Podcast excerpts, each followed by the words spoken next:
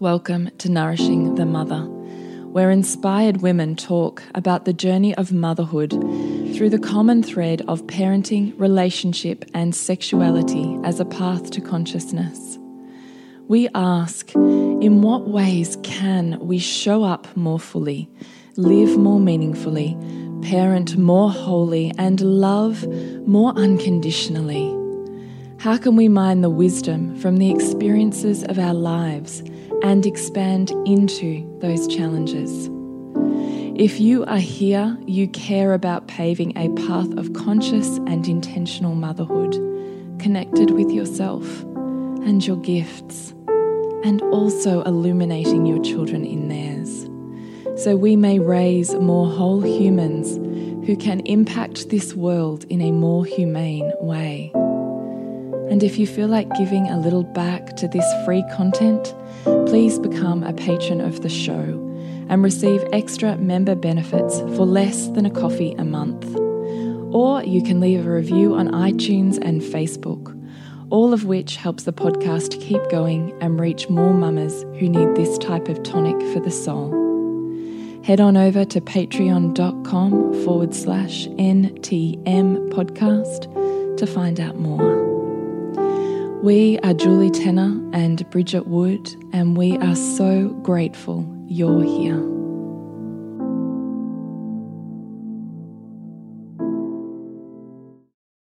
Hello, and welcome to Nourishing the Mother. I'm Bridget Wood.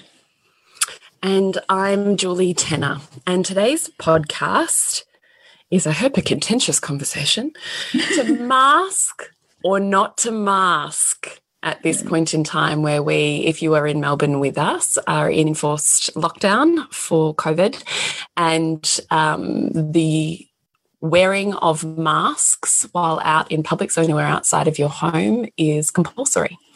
So that's our conversation today. And, you know, we'll talk around all the things. And as you all know, Bridget is a wealth of information on um, status quo and media and government. So I'm really looking forward to actually hearing all of the things that you have to say, Bridgie. So before we do that, I'd love to remind you to jump on to nourishingthemother.com.au, scroll on down to the red banner, drop in your email address, and once every so often we will shoot you off an email with links to everything that we have put out in the world so that you can dive a little deeper on the things that are important to you. So nourishingthemother.com.au. All right, Bridgie, hit me up. What's the like situation? I made like a gazillion notes. So um so we'll see we'll see how I can pull this down because there's a lot in it. Um but so yes, I like to question dominant narratives. I like to question any narrative that we unquestioningly have, both inner and outer. And so when um this mask directive came in, the rebel in me was like, well, fuck this, there's not enough, you know, there's no reason to substantiate us wearing masks and there's already reasons for um there's already uh, sorry oh, I can hear like this is part of the COVID thing. We're at home recording. I can hear kids screaming my name, my name in the house. Okay, back to my train of thought. Um, my rebel heart, my, exactly. My rebel heart was like, you know, but how can we be sure this is the right thing? This feels like domination, all of that. That's kind of where I initially went. And the beautiful thing is that I have, um, and I hope that you do too in your world, is I have people who um, represent, people in my life who represent the way I think and the opposite of the way I think. And sometimes the people who are the who choose the opposite stance to me are my mother and my family. And mm. that is really beautiful to me because that is where I know there's growth. Because if I'm just, you know, creating my own little echo chamber of people who think the way I think, I'm not growing. So there's been a few edges of growth here around seeing them unquestioningly take up the mask wearing and my mum making me one and handing me one and and me kind of like wrestling with this internally um, and seeking both mainstream media input into my thinking and you know a lot of alternative approaches and um, you know other research that that's that challenges this dominant idea that we should all be wearing masks to to try and form my own um, sense of it. And so I've been wrestling with it and have ultimately for myself chosen yes, I'm going to wear a mask. Um, and I'm wearing a mask into shops and into any other enclosed space where I'm around other people. But when I'm out walking with my kids and playing with my kids in the open air, I'm wearing a scarf up kind of above my face where I can have choice and autonomy that when I'm not around anybody else, I can move that down and get fresh air and, you know, see my baby, see my kids and they can see my expression. And for me, that that is an exercise in my own autonomy and also seems to me to be a wise choice given that from what I've read, there's been very little transmission of COVID in outdoor environments like that, particularly where there's no people. So I felt really comfortable in terms of my own community responsibility there by making that choice. But bigger than that, what the mask is, is a symbol. And I think if we look at it from symbology, we get to understand different perspectives on it. So for some, it's a symbol of health. It's a symbol of caring for other people. It's, it's, it's a consideration of um, and concern for the community around us and for doing the right thing to protect the vulnerable. So, in that case, a mask can be seen as, um, you know, like a, a pinnacle of of a, of a of a good human right, who considers people beyond themselves. And this is the dominant narrative, right? So, and this is the tribal kind of thinking that, like, if you don't wear a mask, then you don't care about anybody but yourself, is part of that symbol. And then there's the symbol of the mask as um, something of, to fear or something to feel uncertain about and almost defensive because it's been something that's been given to you to wear, but you're not quite sure that for you it represents health because you don't know enough yet, but you're still kind of doing it. And then the third one, which is where more of the conscious community comes at it from, is a mask as subordination or the mask as surrendering of one's rights or liberties to an authority in an unquestioning way. And so they're the people who the mainstream narrative will call the conspiracy theorists, and who the more conscious community, in inverted commas, who take this viewpoint, they're the one who call the mainstream group the sheeple. So they're essentially the two different um, ends of the sim the symbol symbology spectrum, I suppose. And so that's um, how I look at like the the landscape of the mask. And then bigger than that, it's the growing demand for conformity, right? So you're either conforming to wearing the mask or you're conforming to your alternative community who's like damn the man and you know i'm not going to subordinate and you know i'm not going to wear the mask and you're looking for people to to stand by you in that perspective so there's there's it's always asking for a side and as soon as we ask to take a side we're we're instantly like like any universal law, you're creating the, the instant and extreme opposite. And then in the case of a directive like having to wear a mask and it being compulsory, the the very imposition of order is going to create an escalation of chaos. That that is a universal law. So that's why we're seeing conflict around the mask because it's it's even big. It's, it's beyond the mask. It's like the mask is the symbol for the the waking up of of, I suppose, a sleeping majority who now feel like you're either having to conform or, you, or you're not having to conform or you're wanting other people to be protecting themselves from you or vice versa, right? So it's it's this it's so much bigger than just a mask. So when somebody says just wear a mask, it's like, yeah, well, but what do you think the mask means, right? And that's where I go with it. So in that long-winded way, is my first layer of it on mask. And then, then I think there's another layer of for those people who are uncomfortable with wearing masks, some of the other reasons why they might be uncomfortable. So I've spoken to friends who've experienced domestic violence or trauma, and that trauma being directly related to being um, actually physically stifled, like their mouth being physically stifled. And so to mask up is to re trigger that trauma. Mm. And so that is also where, in the point of the conversation, that I want everyone to bring deep compassion to wherever you find yourself on the scale of mask agreement or disagreement, because very often the surface kind of rebel or the surface level um, desire to not want to conform to the mask might actually have at its root a really big trauma that that person is either unaware of or unable to meet or not tooled up enough, particularly in an already uncertain and anxious world, not tooled up enough to um, work through.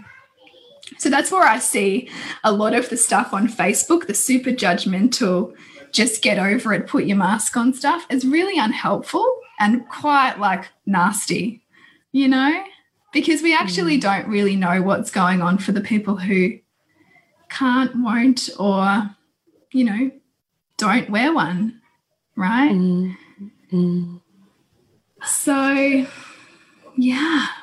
And then we also have the beautiful offering that you had around what. Oh, hang on. I just thought I'd add thank you, but I just thought I'd add one more in, which was um, there was someone who had commented in that thread that that I oh, posted. And I thought, yeah, you know, I hadn't um, thought about that either. Was people that might have sensory disorders, yes. and the wearing of a mask could be extremely challenging, mm -hmm. or um, perhaps children or adults that are on the spectrum of whom find eye contact especially triggering.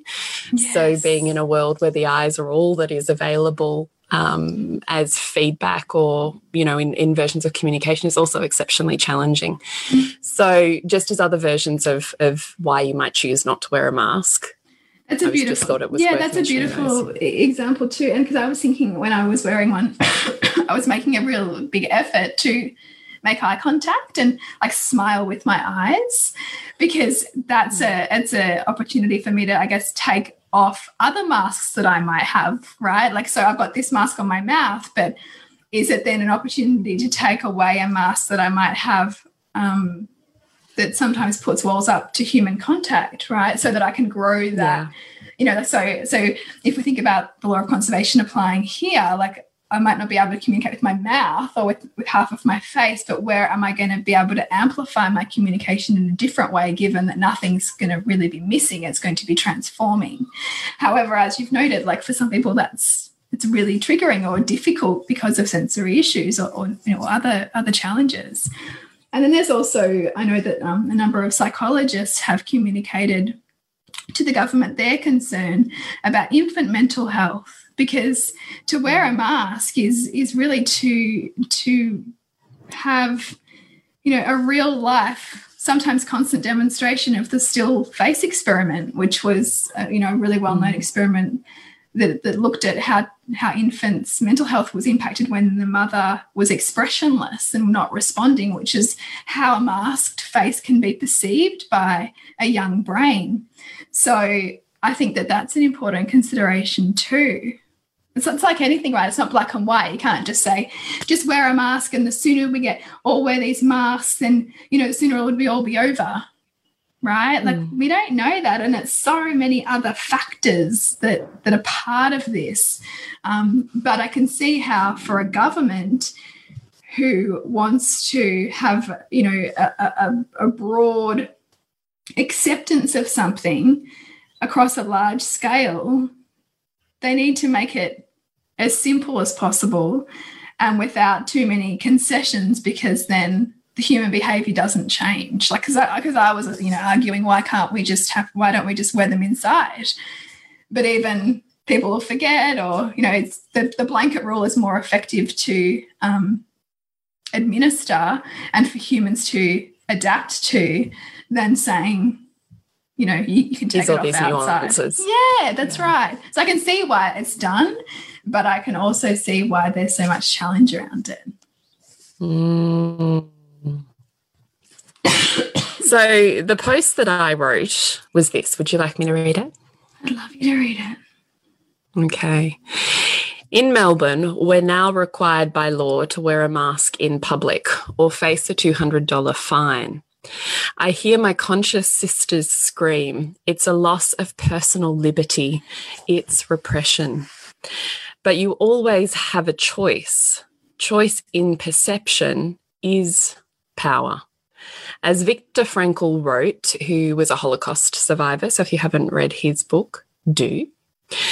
The last of our human freedoms is our ability to choose our attitude towards any given situation. And essentially, that's what he puts down to his survival, where all else, all others around him perished during his time in a concentration camp. So I just always revisit that and love that prose. I always find it immensely powerful.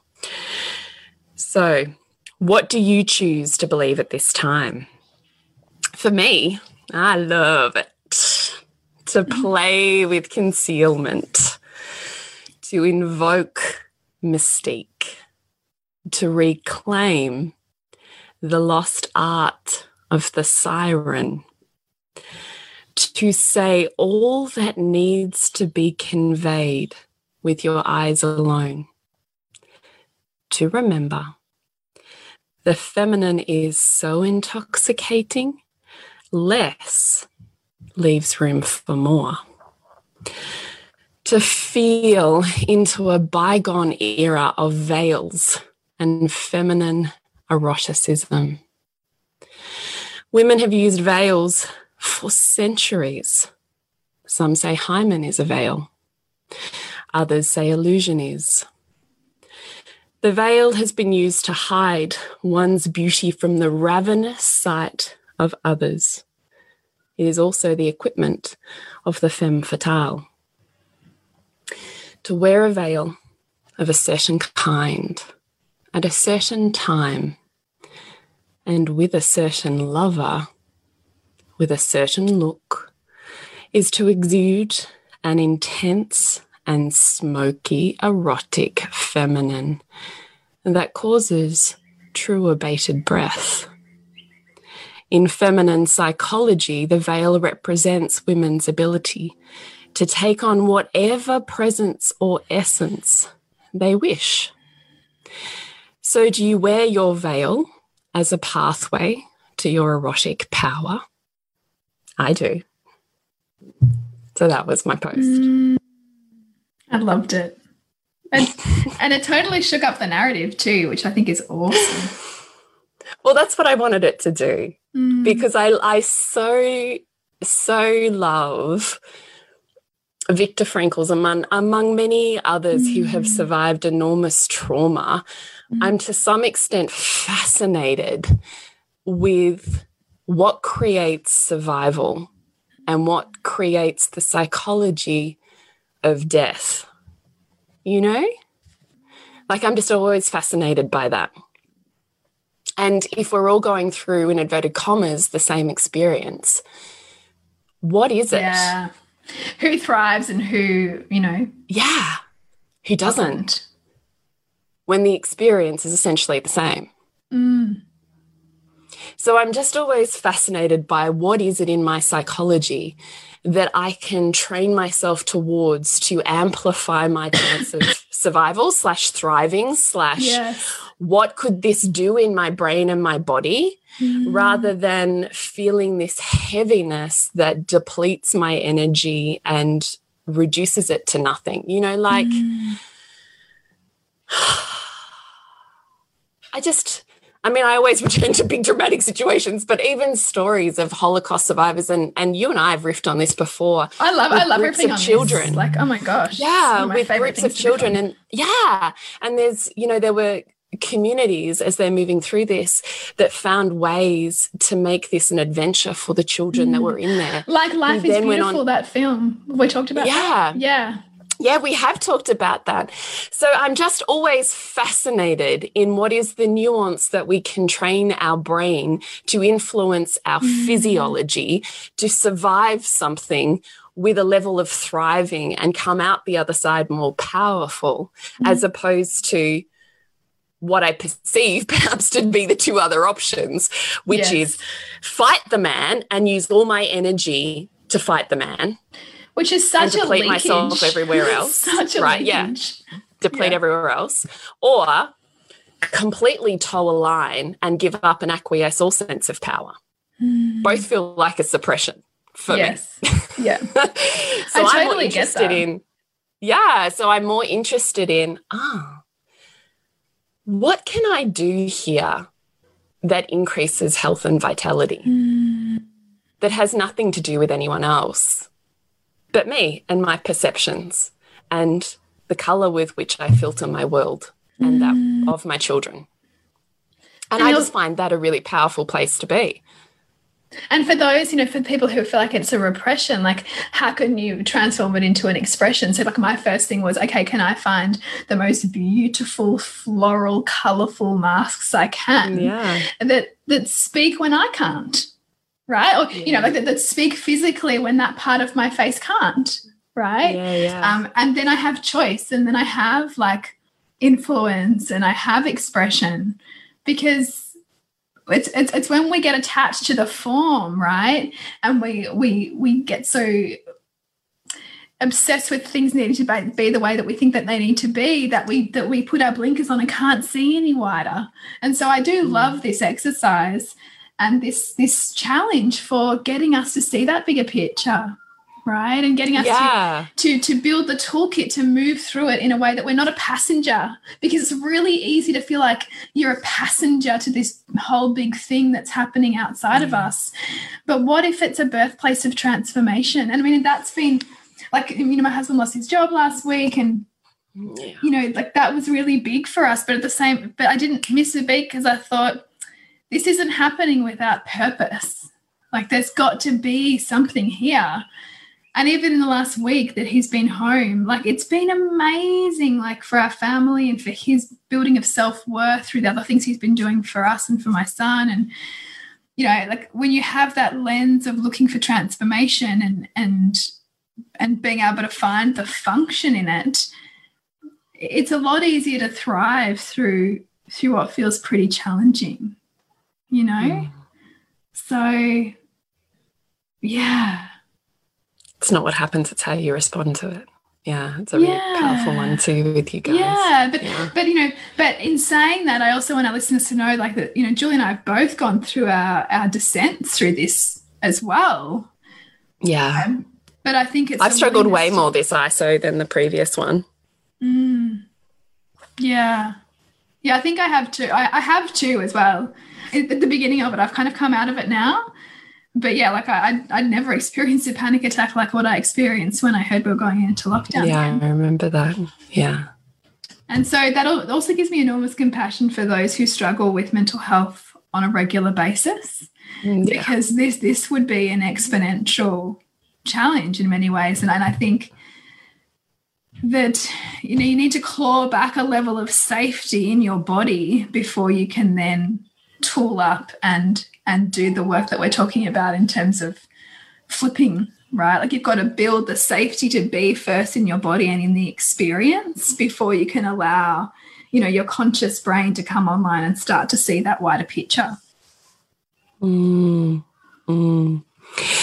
So, knowing all of this, what happens in your mind and body? Where where do you sit on the mask or not to mask? What do you think for self, and what do you think for others? Well, for me, I'm choosing to mask because I'm also choosing um, that I can I can take it as self responsibility in how I choose to do what I see as helpful for the collective because Hmm. those who are having the conversations like we're having, even though we tend to surround ourselves with people who also have these conversations, this is not a mainstream thought process. And so No.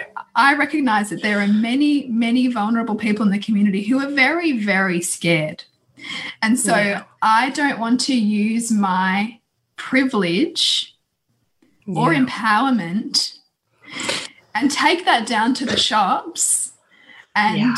Terrify someone who is really vulnerable right now by my Yeah. choice to beat my chest and not play and not play this game. Even if it is a game right? We don't know what's going on at a political level or at a much higher level as to what's playing out here.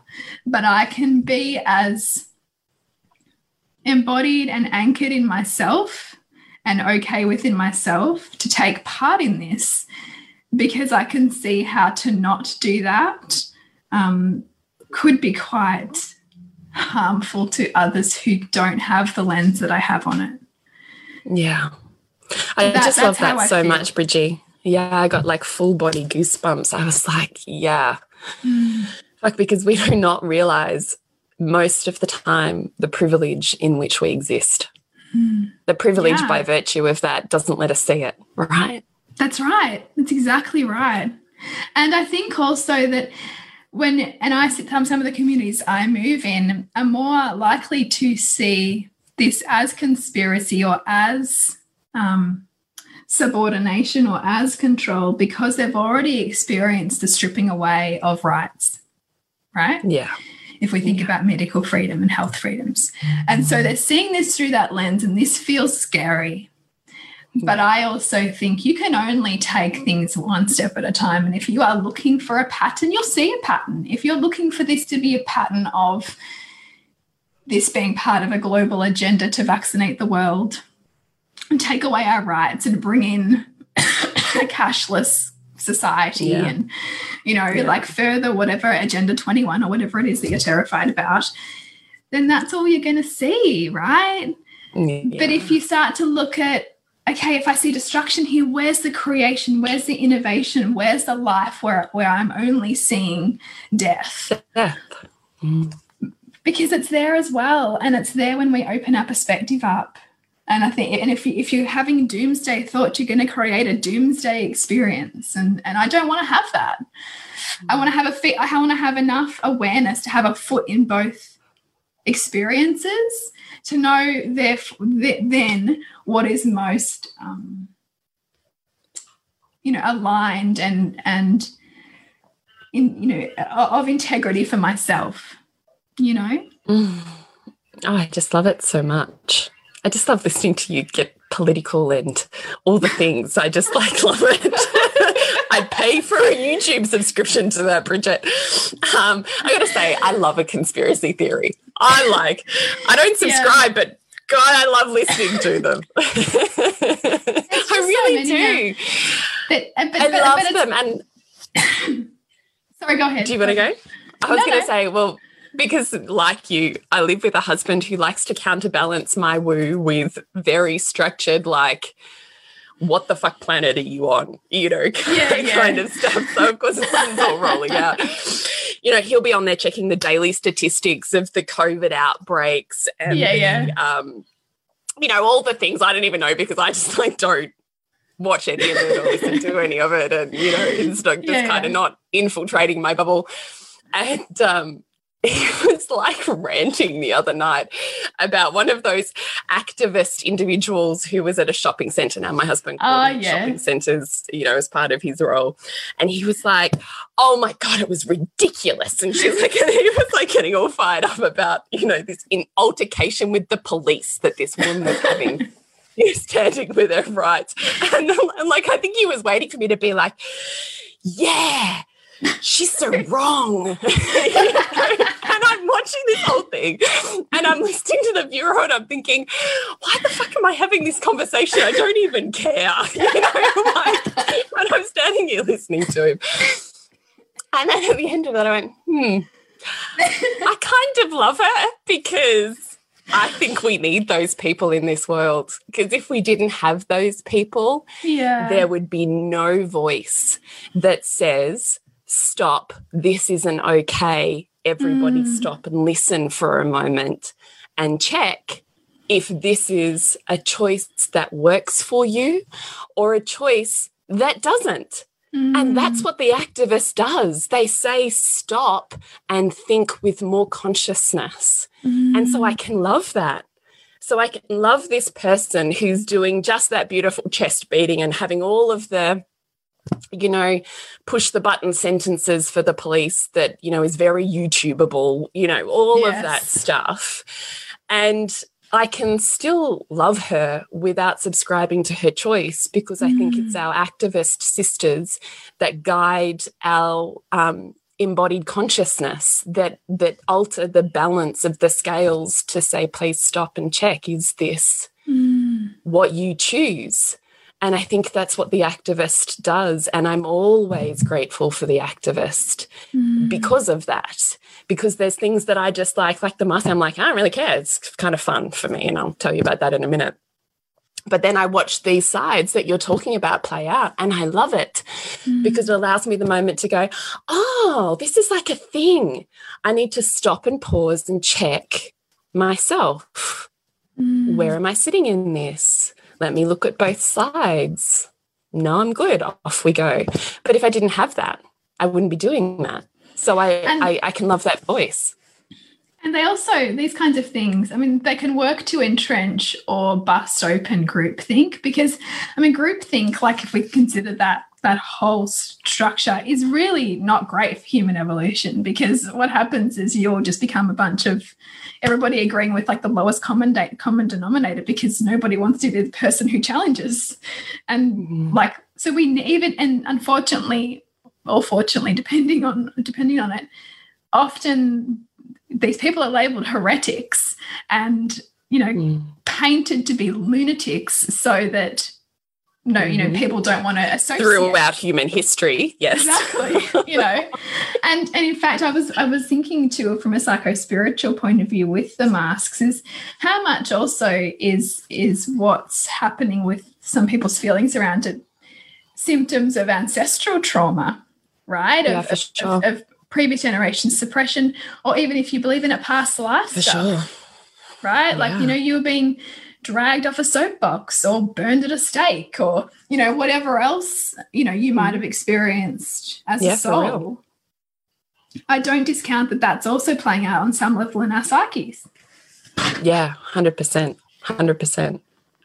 And then I just like it because it's kind of like dress ups and I get to play with my eyes. it's like not conscious at all. But it's beautiful. I was out. it's just fun. I just there's part of me that loves it. There's this part of me that kind of misses being able to wear dress ups, and so it feels Oh, kind yeah. of very, you know, Like, like. how much glitter can you put on your eyes? Right, like how much can we play with this? And I've even stood in, you know, queues at the weekly shop with my husband Laura in the queue. I'm like trying to communicate with my eyes. I'm like, "Did you get it?" You know, like so. and he's like, we were saying, he's going, "I've got no idea, like what you're trying to say right now." And I'm like, "Really? Let me try again." Oh, that's so good. play with it too. And then I took my daughter to get her braces because braces you can still do during COVID fixed the other day. And of course, everything's like fully masked and sterilized to the bejeebers in, you know, an orthodontist. But I'm sitting there with, you know, my, and I love my masks. I made my masks and they're just beautiful organic linen. And so they just, or cotton, and they just feel amazing. So there's part of me that actually just kind of loves even the color or the feel on my skin. So I had one of my beautiful, colorful ones on. And I just think it's so funny. Like Jade and I couldn't stop laughing because everyone walks in and goes, Oh, I like your mask. Like, like the new, oh, I like your shoes. And it's so funny. it's. But you know, like, but seriously, like I spent, I reckon, nearly an hour yesterday going through Instagram trying to decide which masks I liked. like I was like, I was like so upset because all these great mask producers were out of stock. I was like, I need your mask. out. I know. I know. I know. So I It's very just fast becoming a fashion accessory in Melbourne. Right. Yeah, exactly. And why shouldn't it be? You should still get Yeah. to play with your personality and expression through the vehicle of mask and eyes. And I Mm. find that playful. And there's part of me that that wants to kind of document this part in history. I don't see it as being a long-term, you know, thing, though, who knows. And I keep saying to my kids, I want you to remember this because it's my oldest two have to wear masks because they're 12 Mm, of course, my yeah. younger ones don't. So as my older two put on masks and they're walking out of the house and whenever we were down the beach the other day, I'm like, I just I want you to remember this because there will be a time, just like the Spanish flu from when was it 1918 or whenever it was, and everybody was wearing masks back then. I want you to remember this time in history because you will one day tell your children and your grandchildren about the time that you could only wear masks out and about mm. and the time you were locked in your home because you weren't allowed out because of this. So this will become part of our human history and you're living it. So how amazing to really just sink into look around. You will never in your life see a version of this again. Take it in, mm. breathe it in. This is mm. history, and you're living it as you walk down the street. And one day it will be the story you tell. So mm. absorb your story. You know, like it's just and and, and on that note, like it's a really beautiful opportunity to teach older children about history and critical thinking because and and to look at the ads that you see on TV and look at the dominant narrative because as we know I mean history is told through the lens of the victors. Mm. and history is told through the lens of the dominant um, culture or dominant gender. And so truth is truth is in the eye of the beholder right? So good isn't it so that's a really great conversation to have with your kids. And I'm having it a little bit with my seven year old um, because they very easily take, children will just take on board the dominant family viewpoint. And this is a yeah. really good opportunity for them to, to, to empathize with other people's experiences and to see all of the different ways in which people could be um, you know experiencing this time and, and how they might have the beliefs that they have i mean it's a really great teaching opportunity to give our children a sense, you know, a greater lens to see the world right now. Yeah, 100%. Mm. So, would you love to leave our gorgeous, conscious sisters who are listening mm. with Bridgie? I would love you to find some stillness wherever you sit within this topic and to get really um, quiet and with yourself around what you're making it mean and what you want to remember yourself by through this and how if you do feel like your energy is leaking out how you can bring it in in a more conscious mm. way and see a mm. bit wider and to see yeah. um, you know a bigger picture and you know if this is something that you want to consciously move through and maybe like me you've perhaps experienced you know family shifts with job losses or other challenges going on during COVID, um, I am running a five day online program called Evolve with Suburban Sandcastles, and it will be five days, five lives with me to really deepen and embody some of what I teach um, to help you let, be less of a passenger during this and to feel activated and inspired even in a time of uncertainty. So that would be my invitation to you if this resonates. Oh, please do it. No one teaches being able to get a hold on your perspective and lens and create the life that you want the way that you do. So mm, I would you. do that in mm. a heartbeat. So we'll make sure we put the link to that on the bottom of the show notes so that you can go check it out if you're really ready to bust any and all stories that you have and move your life in a more aligned conscious direction then Bridgie would definitely be a guide for that. So to connect with you, Bridget, is it's suburbansandcastles.com. And you, Jules? Is thepleasurenutritionist.com and we're on nourishingthemother.com.au, Nourishing Mother on Facebook, Instagram, and Pinterest. Yes, remember to nourish the woman to rock the family. And we'll see you next week when we continue to peel back the layers on your mothering journey. And if you want to support Nourishing the Mother and all the late nights, the early mornings, the blood, sweat, and tears we pour into our art, then please go to patreon.com forward slash NTM podcast and become our patron. As a patron, you're helping all of the cost of operating this podcast, the hosting, the editing, the transcription, helping all of that be completely covered, and joining a community who are all about honouring our journeys and continuing to open. The more support we have, the longer we can last. So become a patron. We'd love to have you. Go to patreon.com forward slash NTM podcast. We literally couldn't do this without you. Thank you so much for listening, and please share this podcast with anyone you think it would be medicine for.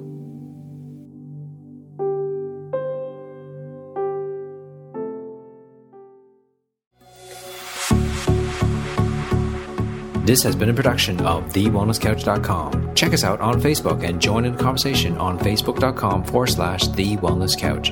Subscribe to each show on iTunes and check us out on Twitter. The Wellness Couch, streaming wellness into your lives.